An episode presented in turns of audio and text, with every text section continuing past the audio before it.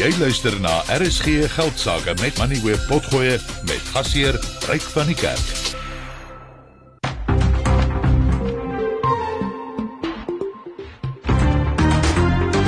Jy luister na RSG Geldsaake met Ryk van die Kerk, jou betroubare bron vir sake en beleggingsinsigte. Hierdie program word aan jou gebring deur Absa. Jy kan aanlyn na Absa skuif en 'n Business Evolve rekening oopmaak. Goeienaand en hartlik welkom by die program. Nou dit was vandag 'n taamlike besige dag op die koöperatiewe front.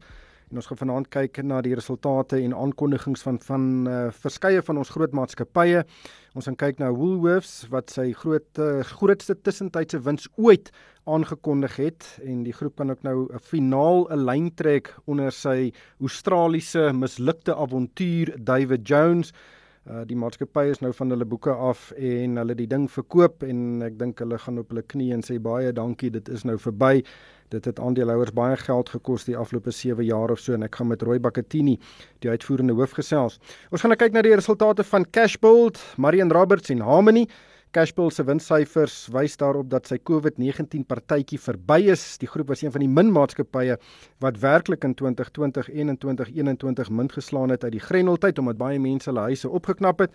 Maar uh, die jongste winssyfers wys nou hierdie meervaller is verby en ek gaan met Etienne Prause gesels, hy is die finansiële hoof. Ek gaan ook gesels met Henry Laas van Marian Roberts uh, wat uh, die afgelope paar maande uh, amper sy gedaante verwisseling ondergaan het. Hulle het beheer verloor oor hulle Australiese bedrywighede. Hulle gaan ook hulle belang in die Bombella konsortium verkoop. So die Bombella het natuurlik die goudtreinbedryf en ek gaan 'n bietjie met hom gesels oor hoe hy die pad vorentoe sien en dan gesels ek ook met Pieter Steenkamp van Harmony. En Harmony Gold natuurlik het nou die kopermark betree in Australië en ek gaan 'n bietjie gesels oor hulle tone wat hulle nou druk in die kopermark. Maar eh, kom ons kyk eers wat het vandag op die markte gebeur en die insetsel word geborg deur Finbond Mutual Bank. Kontak hulle op 0860 44211. Finbond Mutual Bank. Henko Creer sit reg, Henko oor na jou. Goeienaand. Amerikaanse beurse begin hulle dag onder druk en tans in die rooi en Europese beurse sluit hulle dag mooi in die groen, net soos wat ons beurs ook hier gesluit het. Die JSE se algehele indeks het vandag met 1,2% gestyg tot 'n vlak van 78631 punte. Die Hulbron indeks se vlak styg 1.5%, die nywerheidsindeks 1,3% stewiger en die finansiële indeks het vandag met 1% verbeter. Van die noemenswaardige bewegings vandag was Naspers wat 5% gewen het, asook Prosus wat 3.5% hoër gesluit het. Maar daarenteen was dit British American Tobacco wat 2% laer gesluit het. Ander maatskappye waarmee dit skitterend gegaan het vandag was Aspen wat 13,3% hoër gesluit het en Barloworld, Reinet en Alphamin wat elkeen vandag 5% gewen het. Minder goed te gaan met maatskappye soos Capco wat 6% laer gesluit het en Hammerson, Woolies asook PSC Consult wat elkeen 'n 3.5% gedaal het. Die goudprys is 1843 dollar, platinum is nou 968 dollar en palladium is 1446 dollar. Die olieprys staan tans op 84 dollar per vatjie. Dan as ons na die wisselkoers kyk, sien ons dat die rand vandag opkom vir asem en verhandel tans teen R18.19 teenoor die Amerikaanse dollar, R21.83 teenoor die Britse pond, R19.39 teenoor die euro en R12.27 teenoor die Australiese dollar. 'n Bitcoin is nou 23700 dollar of 435000 rand en ten slotte staan die R186 nou op 8,55% en die R209 sal by vir jou 'n opbrengs gee van 11,16%. Enko baie dankie. Johan Gous is hoof van adviesdienste by Sasfin Wealth. Hy is saam met my in die ateljee. Naand sê uh Johan, ek ek kyk na die grafiek van die rand dollar wisselkoers. Dit lyk so strappe. Uh dit is uh hy het begin hierso by R18.40 vanoggend en hy het baie stabiel vertoon en toe skielik verstewig hy 'n bietjie en toe verskielik verstewig hy weer 'n bietjie en nou staan hy op R18.20. Ehm um, en ons beweeg nou weer nader na die R18 vlak toe. En dit is nadat baie mense gedink het hierdie gryslys ding gaan vir ons noord van R19 teen die dollar toe stuur. Goeienaand Ryk. Baie interessante grafiek. Ek het hom ook so gekyk en gesien hierdie trappe en ek kan nie vir jou verduidelik presies hoekom daai trappe daar is nie, maar dit lyk of die rand en dan ook die JSE nou so bietjie van hierdie gryslys skok van Vrydag begin herstel en en daar was altyd die gevoel gewees dat die rand so bietjie op oorverkoopte vlakke was. Ryk en ek dink jy kan nog steeds verwag dat die rand dalk sterker gaan word op 'n stadium, maar terug na die dollar toe dollar nog steeds die bietjie die wind van agter in terme van die, die inflasie druk wat nog steeds daar bly met hoë vervaardigingssyfers, uh insetkoste wat nog steeds opgaan en dan ook hoë dienste syfers. Aspen se aandeleprys vandag soos Henko gesê het amper 13,3% hoër. Uh, wat het daar gebeur want soos dit vir my klink het hulle nou baie belê in hulle inentings, maar niemand wou dit koop nie. Weereens 'n interessante geval waar jy gesien het dat Aspen het 'n 15% daling in winste in die eerste helfte van sy finansiële jaar aangeteken en hier styg sy um aandeleprys met 13.3% vandag weer. So dit, dit is dis my weer eens 'n ge, geval van wat het die mark verwag. Groep inkomste, soos jy reg sê, Ryk, was eintlik maar onveranderd geweest op 19.1 miljard rand met uh, die vervaardigingsinkomste wat eintlik met 10% gedaal het. Um, die hooflyn verdienste per aandeel wat um, eenmalige items uitsluit het tot so R6.61 per aandeel in die 6 maande tot 31 Desember 2022 gedaal en uh dit was gedeeltelik weens die impak van die oorlog van Oekraïne en ook die laer uh COVID teenmiddelverkope. Maar ryk die maatskappy sê wel dat daar steeds vordering is met gesprekke met multinasjonale kliënte wat 'n deel van sy steriele vervaardigingskapasiteit wil bekom en met die afhandel van hierdie kontrakte sal die vervaardiging besigheid 'n bydrae van sowat 2 miljard in die 2024 kalenderjaar maak en dan verder styg na 4 miljard in 2025. Ja, die aandeleprys nou oor die 20% hoër sedert die begin van die jaar, maar oor die afgelope jaar, so sedert uh, Maart verlede jaar, is dit nog so 20% in die rooi. Dan het MTN 'n uh, verklaring uitgereik en dit is 'n uh, baie duidelik hulle verwag ook mooi dinge van die toekoms of mooier dinge van die toekoms. Ryk hierdie was 'n uh, handelsopdatering vir die finansiële jaar tot 31 Desember 2022 en hulle verwag 'n stygings in verdienste per aandeel van tussen 35 en 45% teenoor die vorige finansiële jaar, maar mens moet nou in ag neem dat in die 20 uh, 21 finansiële jaar uh syfers daar 'n paar eenmalige items ingesluit was wat uh dan die vergelyking van die syfers bietjie meer ingewikkeld maak. Ehm uh, daar's ook 'n stygings in die hooflyn verdienste per aandeel wat verwag word van tussen 12 en 22% teenoor die vorige finansiële jaar en reik dit was spesifiek MTN se belange in Ghana uh waar jy gesien het daar 'n 42% stygings in winste aangeteken is met die getal intekenare wat met amper 13% gestyg het tot so by die 29 miljoen inskrywers. Sedert die begin van die jaar aandeleprys amper 15% hoër en dit die afgelope 3 jaar basies verdubbel. So 'n goeie vertoning daar van 'n baie groot maatskappy eh, wat 'n bietjie die wind van voor gehad het ook, maar lyk like my dat hulle is besig om dan die regte rigting koers te kies. Hierdie insetsel is geborg deur Finbond Mutual Bank. Kontak hulle op 0860 442211. Finbond Mutual Bank. Finbond Groep Beperk bied 'n gewaarborgde opbrengs op vaste termyn beleggings. Verdien 10.5% nominale rente per jaar op 'n 5-jaar termynbelegging van 1 miljoen rand of meer. Geen inisiasie of administrasie fooie word gehef nie en rente kan uitbetaal of gekapitaliseer word. Belastingvoordeel is gekoppel aan ouderdom. SMS radio na 30635 of e-pos deposito by finbond.co.za vir meer besonderhede. Van Bondgroep Beperk, jou bondgenoot deur dik en dun. Vind uit watter Absa Business Evolve-rekening by jou besigheid pas en open vandag nog een aanlyn. Ons doen meer sodat jy kan. Dis African Asset. Absa se gemagtigde FTV en geregistreerde kredietverskaffer. Besenfees geld. Vir die belangrikste sake nuus, skakel in op RSG Geldsaake. Die kleinhandelgroep Woolworths het vandag tussentydse resultate vir die 6 maande tot einde Desember aangekondig.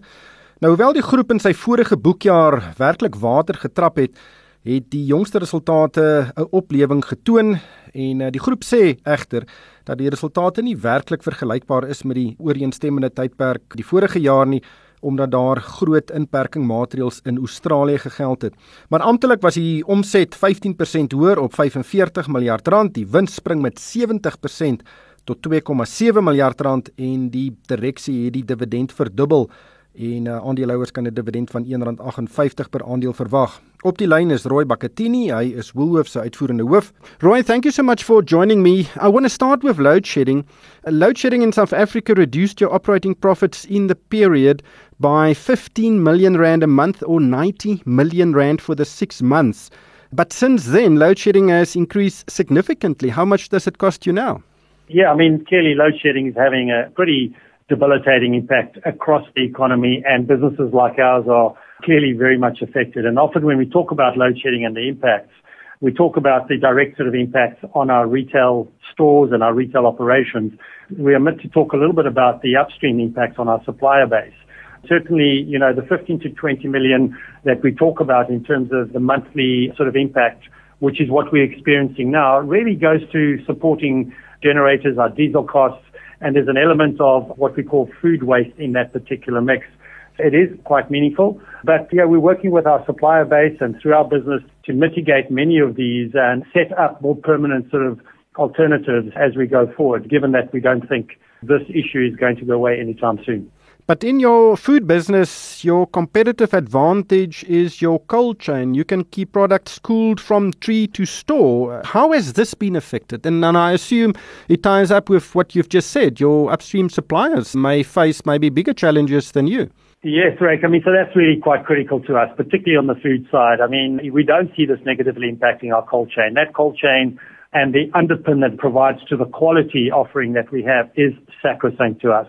I mean, you know that if our cold chain is broken for more than eight consecutive minutes, we then sort of take those products off the shelf or out of the refrigerators and we put them into our distribution network. We accelerate that through and then the food goes to our food banks and charities, but it's earmarked not for sale. So we are very diligent in that and very specific. And in fact, we've seen customers reward that with the trust that they have in the brand. We've actually seen an interesting growth in customer through this recent times of load shedding. Customers that may have shopped Woolies, had gone elsewhere, are now returning to Woolies, particularly because of this commitment around quality. Let's talk about David Jones. You bought this Australian business in 2014 for 21.5 billion rand. You sold it late last year, but you haven't disclosed the amount of this transaction. But it's rumored to be around 1.5 billion rand, which represents a significant loss. Has the final price been determined? We haven't disclosed any sort of final sort of uh, details on the transaction yet, Ray. I mean, we're still obviously trading the business. We still own the business and we're looking to close out on the transaction, in fact, at the end of this month. So our plans are in place to deliver against that. And as you say, I mean, this has been a very particularly painful sort of probably understatement, painful journey for us and for our shareholders. We've addressed that though quite emphatically. I mean, we've turned this business around in the last two to three years.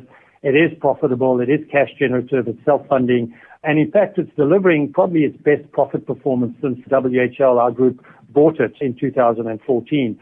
We are going to be realizing proceeds which are going to be in excess of the uh, the book value, the carrying value of this business. So it is going to be shareholder accretive. And uh, beyond that, I mean, very importantly, by offloading the business or selling the business, we're able to remove about 22 billion rands of debt or liabilities associated with that business from our balance sheet. And that transforms WHL's financial profile. You know, we actually will increase our return on capital here by probably more than 500 basis points.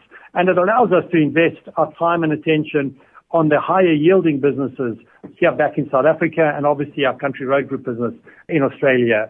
So a transformational move for us, but no doubt very value accretive for shareholders and great for us because we can simplify the group and really get focused on really what makes money for us. You say it's positive for shareholders, but the share price of Woolworths was around 70 Rand when the business was acquired in 2014, and today it's around 75 Rand. Well, it may seem as not one of the best investments ever. In, in fact, some people describe it as one of the most destructive acquisitions a South African company has made in Australia. When you were appointed in 2020, was that your top priority to sort David Jones out or to sell it? You're absolutely right calling out the history here, right? And I think it's something that one cannot avoid sort of uh, acknowledging. I mean, it has, as I mentioned, been a very painful process for us. I mean, we did destroy through the acquisition and the consequent investments significant value for our shareholders since 2020, yes, I mean, it was a major priority for me on joining the company was to resolve this. And uh, my point that I make earlier on is that we re-strategized the business, restructured balance sheets, and we basically turned this business around to enable us now to offload it. It isn't a great strategic fit for us.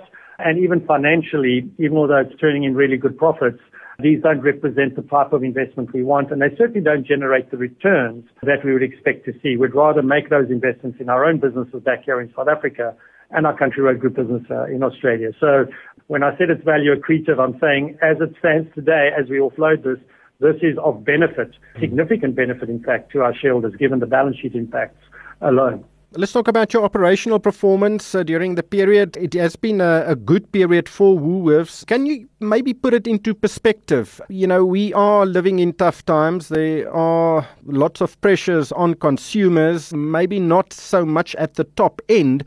But how do you think shareholders should look at your operational performance during this period? I think you can see from the numbers we have shared, like the overall numbers are supported by very strong underlying performances of all of our businesses. Historically, when we've shared results, there's always been one or two of the businesses that have been not performing to expectation. We're in a situation now where the whole portfolio is working very strongly for us testament to the strategies we've put in place around those businesses, but more importantly, our execution, our implementation of those strategies working very well for us. And if you look at any of the metrics across the income statement, they're all really moving very positively in the right direction. And the consequence of that, it sort of cascades through into our earnings per share. And what is very interesting and maybe noteworthy is that these set of results are the strongest, they're the highest interim earnings per share in the history of the company. So really an interesting high watermark here for us. And as I say, we now have the strongest balance sheet we've had in the better part of 10 years, having paid off over 12 billion rands worth of debt. And we've also basically revised our dividend policy here, and dividends are up by almost 100% in this interim process. Dankie Roy, dit was Roy Bakatini, Woolworths se uitvoerende hoof. Die grootste wins, 6 maande wins ooit in hulle geskiedenis. Ek het dit nie verwag nie, Johan. Ja, dit is uh dis baie baie goeie verrassing ryk en uh, ek dink duidelik was hy baie skoolgelde betaal ryk, maar ehm um, ja, met hierdie transaksie wat hopelik nou binnekort afgehandel gaan wees, 22 miljard rand se laste van die balans staat af bestuur wat weer gefokus kan wees op die besighede wat werk en ek dink aandeelhouers het kan net hierso beter vooruitsigte hê op hierdie aandeel. Ja, Roy Bagatini het 'n baie groot verskil gemaak sedert hy by wat is dit, een mooier oorgeneem het. Mm -hmm. Uh wat natuurlik met groot vanvare daardie David Jones transaksie beklink het. Kan ek 'n besigheidsrekening kry wat by my besigheid pas? Met Absa kan ek. Absa se Business Evolve rekeninge bied 'n verskeidenheid buigsame opsies vir besighede van verskeie groottes.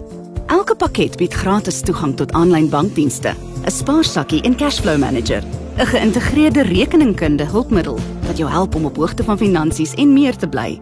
Dis 'n oplossing wat saam met my besigheid groei. Vind uit watter Absa Business Evolve rekening by jou besigheid pas en open vandag nog een aanlyn. Ons doen meer sodat jy kan. Dis African Asset. Absa se gemagtigde FTV en geregistreerde kredietverskaffer. Besenfees geld. Daar is geen geld sake met Moneyweb.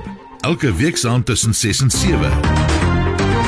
Marie en Robert het 'n lang geskiedenis in Suid-Afrika en sy wortels strek terug tot 1902 toe dit huise in die Kaap gebou het. Nou dit het oor die jare baie verander en was tot 2016 een van die grootste konstruksiegroepe in die land maar in 2016 het dit sy konstruksiebesigheid verkoop en op ingenieurswese en mynbou begin fokus en dit het ook sy vlerke reg oor die wêreld begin sprei.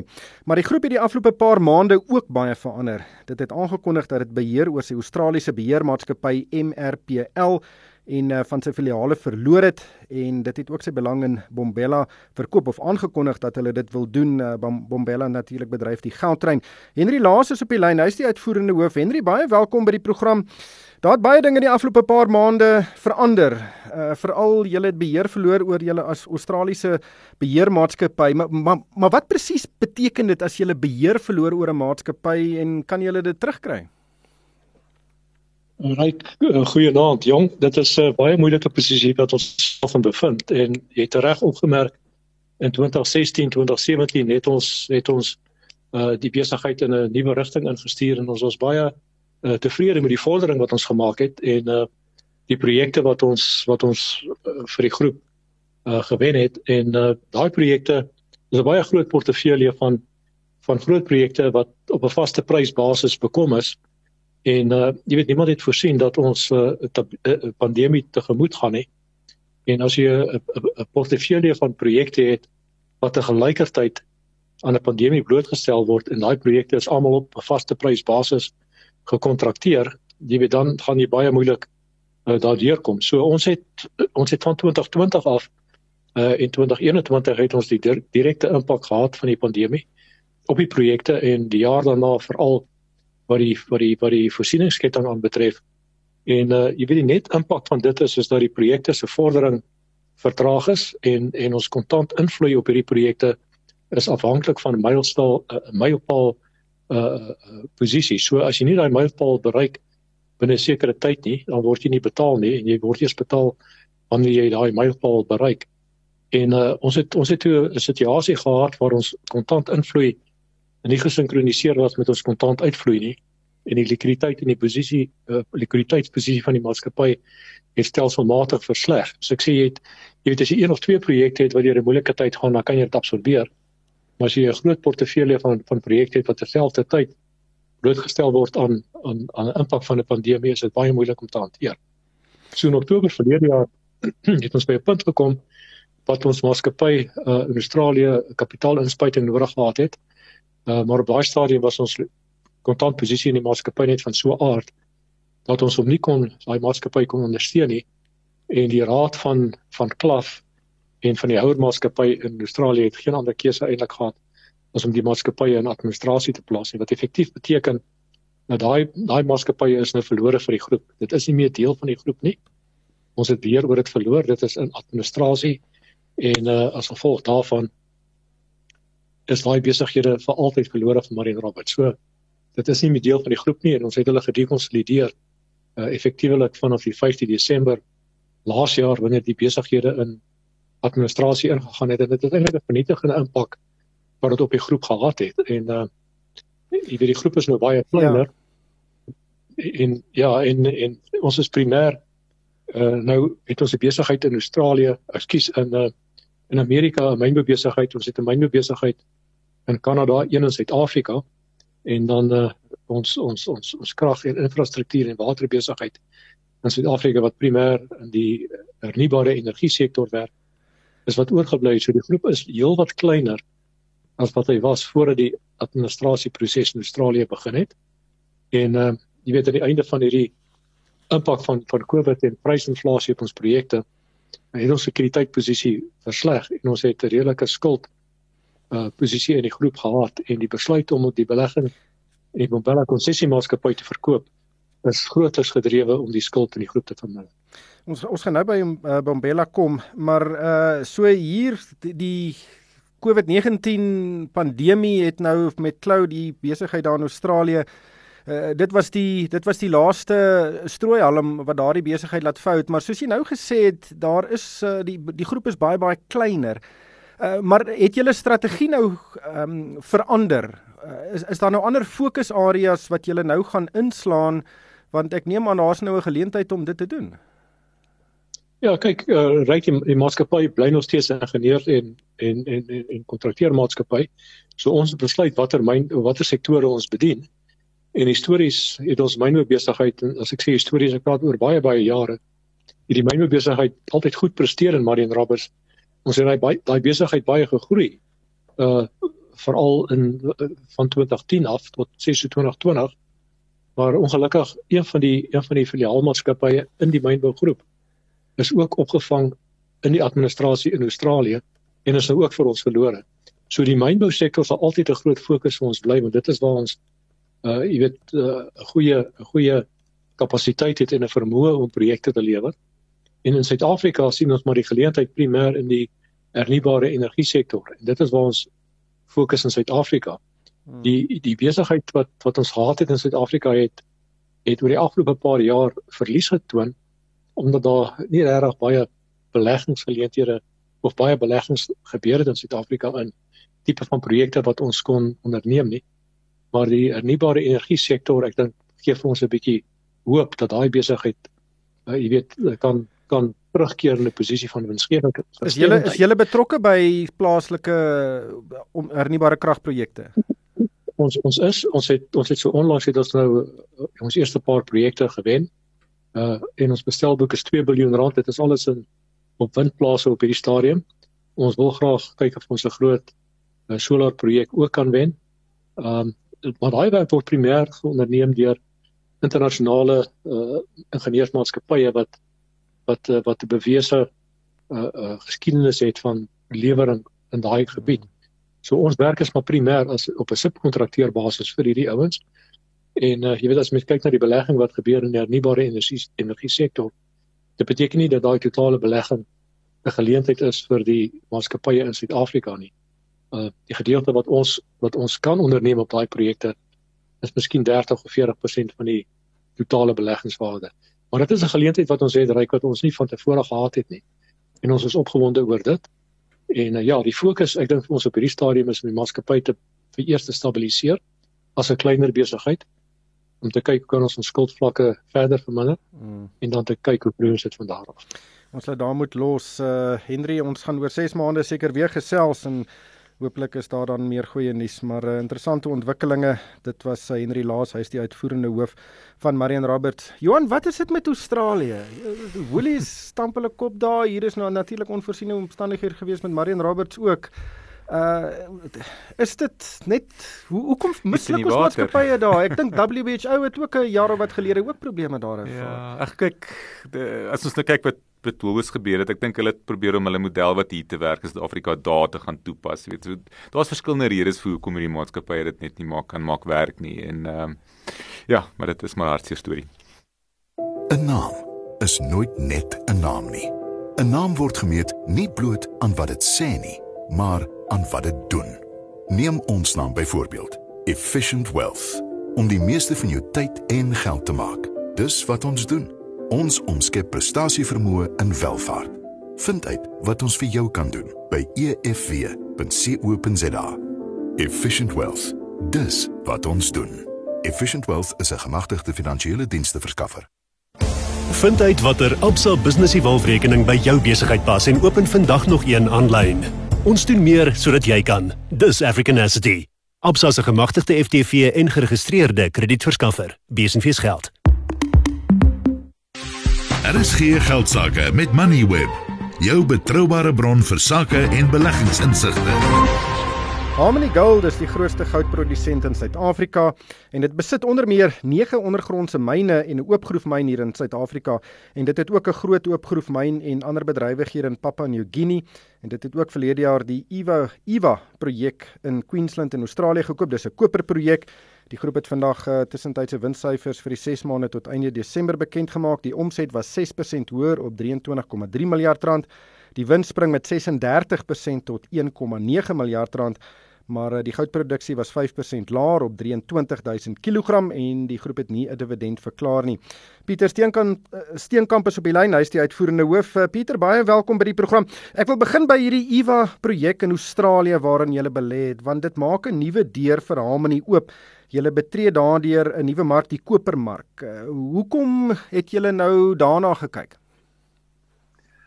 Ja, dankie Ryk en dankie dat jy ons het vanaand. Ehm um, ja nee, verseker ek meen ons is eintlik al van 2004 af in die kopermark betrokke alhoewel ons nog geen produksie in koper gedoen het nie want ons is deel van die die Wafugulpu myn wat ons in Papua-Guinea het.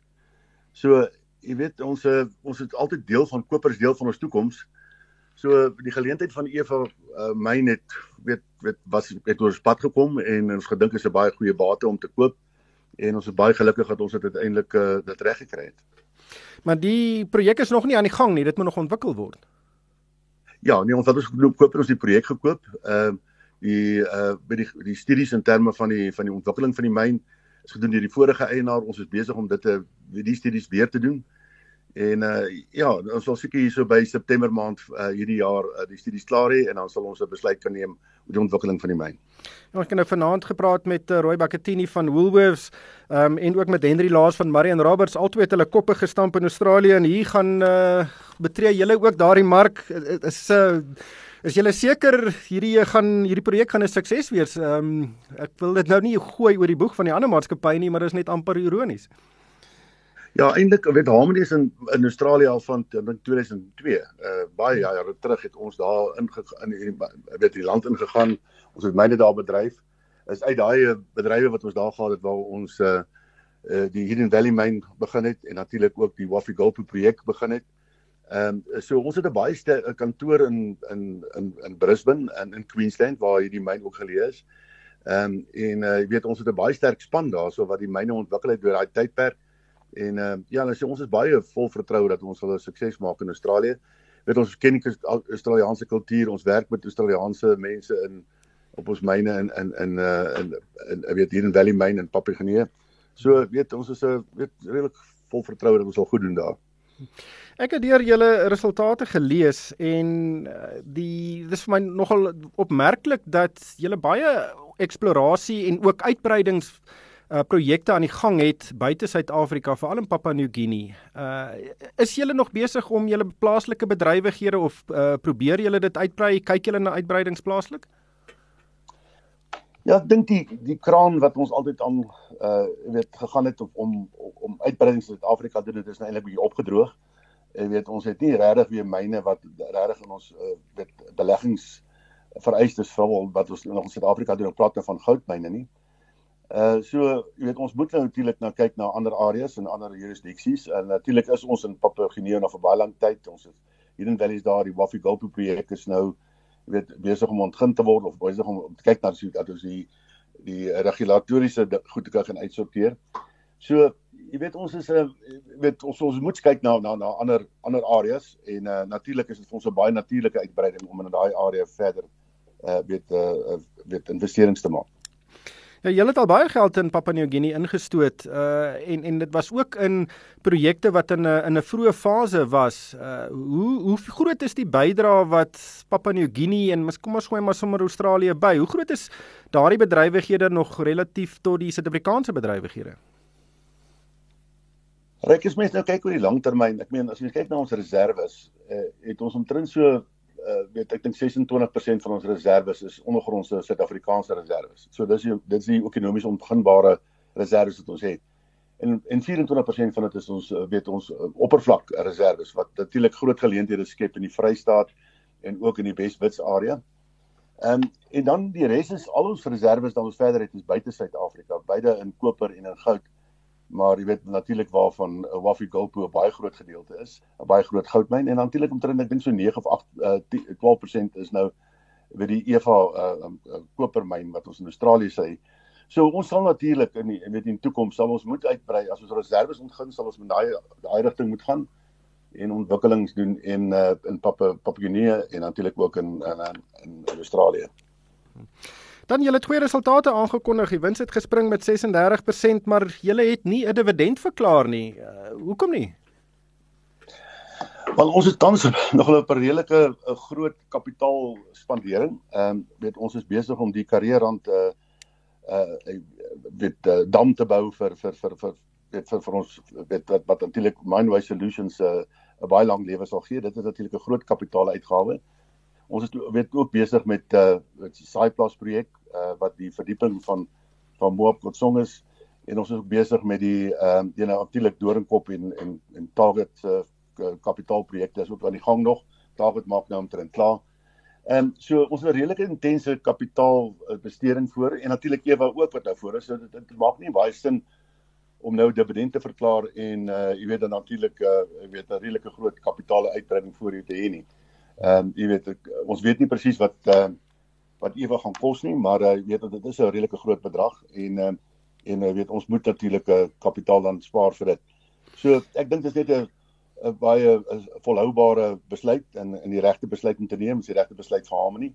Ehm um, ja. ja, en ons ons wil natuurlik altyd 'n dividend betaal en dit is uh dit natuurlik altyd ons oogmerk, maar op hierdie stadium waar ons is kan ons nie nou bekostig nie teen 'n goudprys van 1000 en 1 wel 1 miljoen en 71000 rand per kilogram. Ek dink baie aandeelhouers kan dalk vir jou vra is dit 'n bietjie van 'n baie konservatiewe besluit wat jy geneem het. Ja, nee, ek dink weet jy, maar ek dink ons het baie vertroue in die projekte wat ons het. Ek dink die projekte gaan groot bydrae maak tot Harmony uh, se toekoms.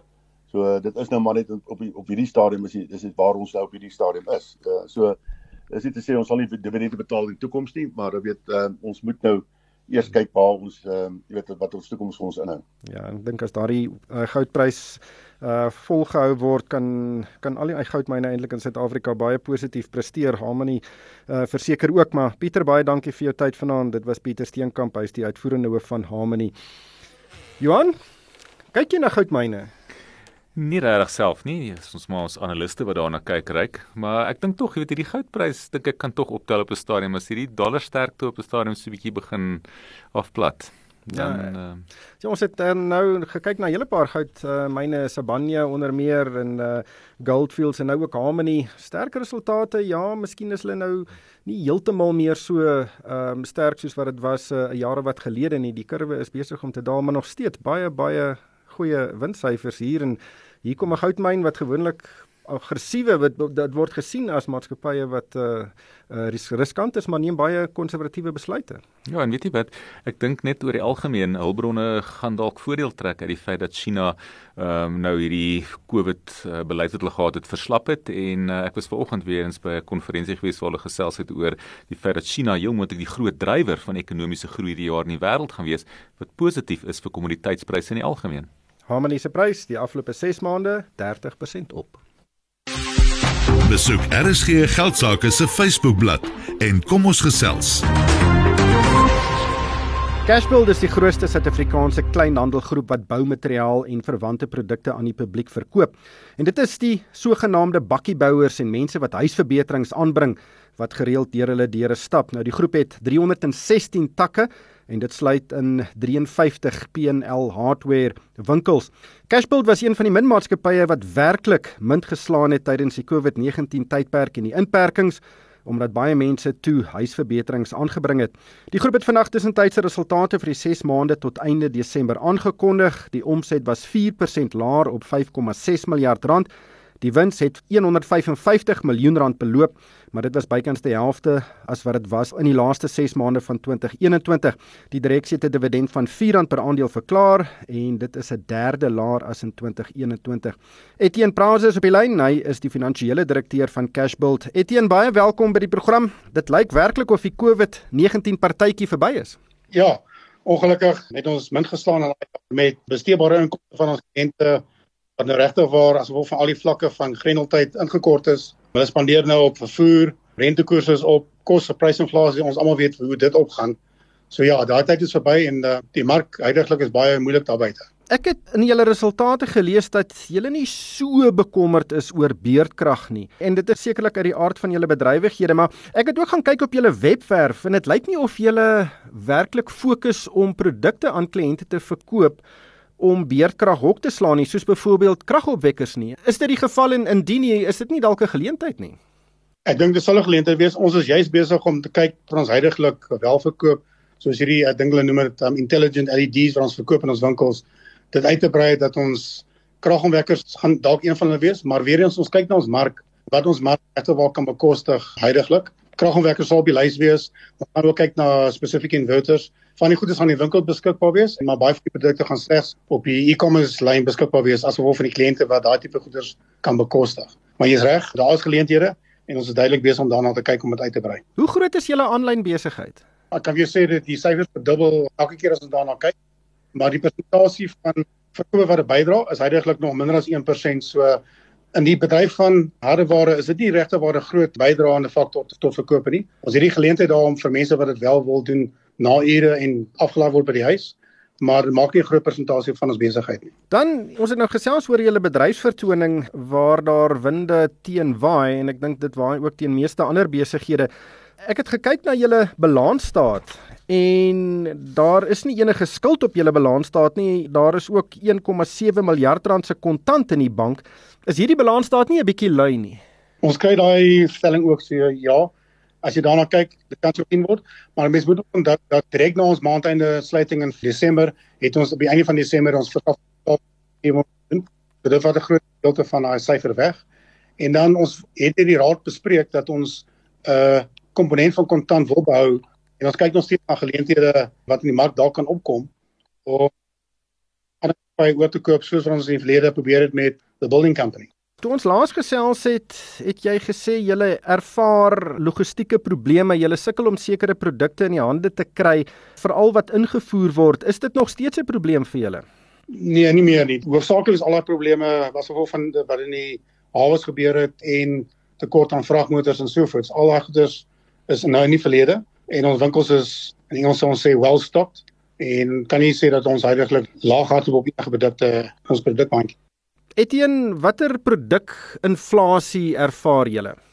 In die laaste 6 maande waarop ons rapporteer, was ons produkprysinflasie 4.5% en dis laer as wat dit was toe ons 6 maande terug gekyk het, toe dit op 7% gestaan het.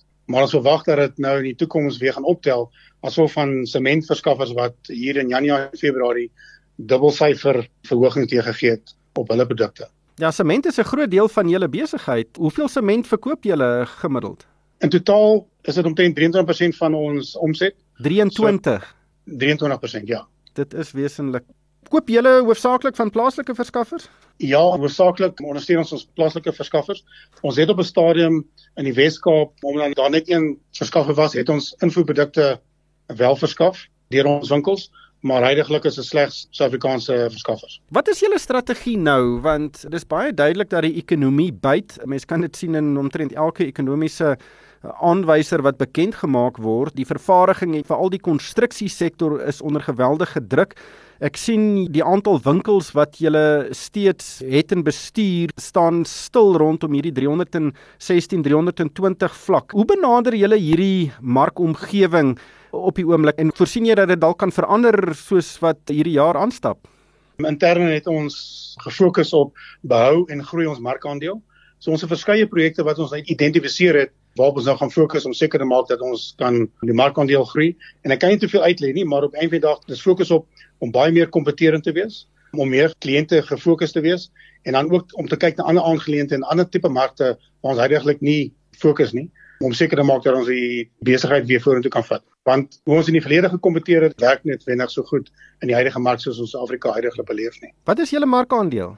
Statistiek is moeilik om in die hande te kry, maar ons glo as ons kyk na sement produksievlakke en ons verkope, dink ons ons is tussen 17 en 20% markandeel van die totale mark. Dis nou nie wenig van die geregistreerde maatskappye nie, dit sluit ook die ongeregistreerde independents soos ons hulle noem daar buite. Dan net laastens, ek sien julle gaan so wat 240 miljoen rand bestee om aandele terug te koop en dit is so wat 5% van julle markwaarde. Nou dis altyd 'n interessante besluit want die ander opsie is om die kontant aan aandeelhouers deur 'n spesiale dividend terug te gee. Hoekom het julle die terugkoop opsie gekies? Ons beleggers het van tyd tot tyd vir ons sê hoekom doen ons die die terugkoop opsies nie? Op daai stadium was ons bekommerd oor likwiditeit van die aandeel en die spesifieke persoon by wie ons die aandele terugkoop, dis ons vorige bestuurende direkteur en hy het 10% gehou nou al 20 jaar lank. So om 4% van die aandele terug te koop van 'n persoon wat nie likwiditeit gaan affekteer nie, het vir ons baie meer sin gemaak en dis ook 'n goeie manier om waarde vinnig terug te gee aan aandeelhouers. Etienne, baie dankie vir jou tyd vanaand. Dit was Etienne Pause, hy is die finansiële direkteur van Cashbuild. En daarmee het die tyd ons ingehaal. Baie dankie aan Johan Gous. Hy's hoof van adviesdienste by Sasfin Wealth. Hy was saam met my in die ateljee. En dan kan luisteraars die potgooi van die program 'n bietjie later by moneyweb.co.za en op ons slimfoon toepassing aflaai. En daarmee groet ons van Palesa Matlala, Pieter Botha en Kokreer en vir my ryk van die kerk. Dankie vir die saamluister en hierdie program is aan jou gebring deur Absa. Jy kan aanlyn na Absa skuif en 'n business e-wallet rekening oopmaak. Jy het geluister na RSG Geldsaake met Money where potgoe elke weeksdag om 7 na middag. Vir meer Money where potgoe, besoek moneyweb.co.za of laai die toepassing af en volg Moneyweb News om dagliks op hoogte te bly.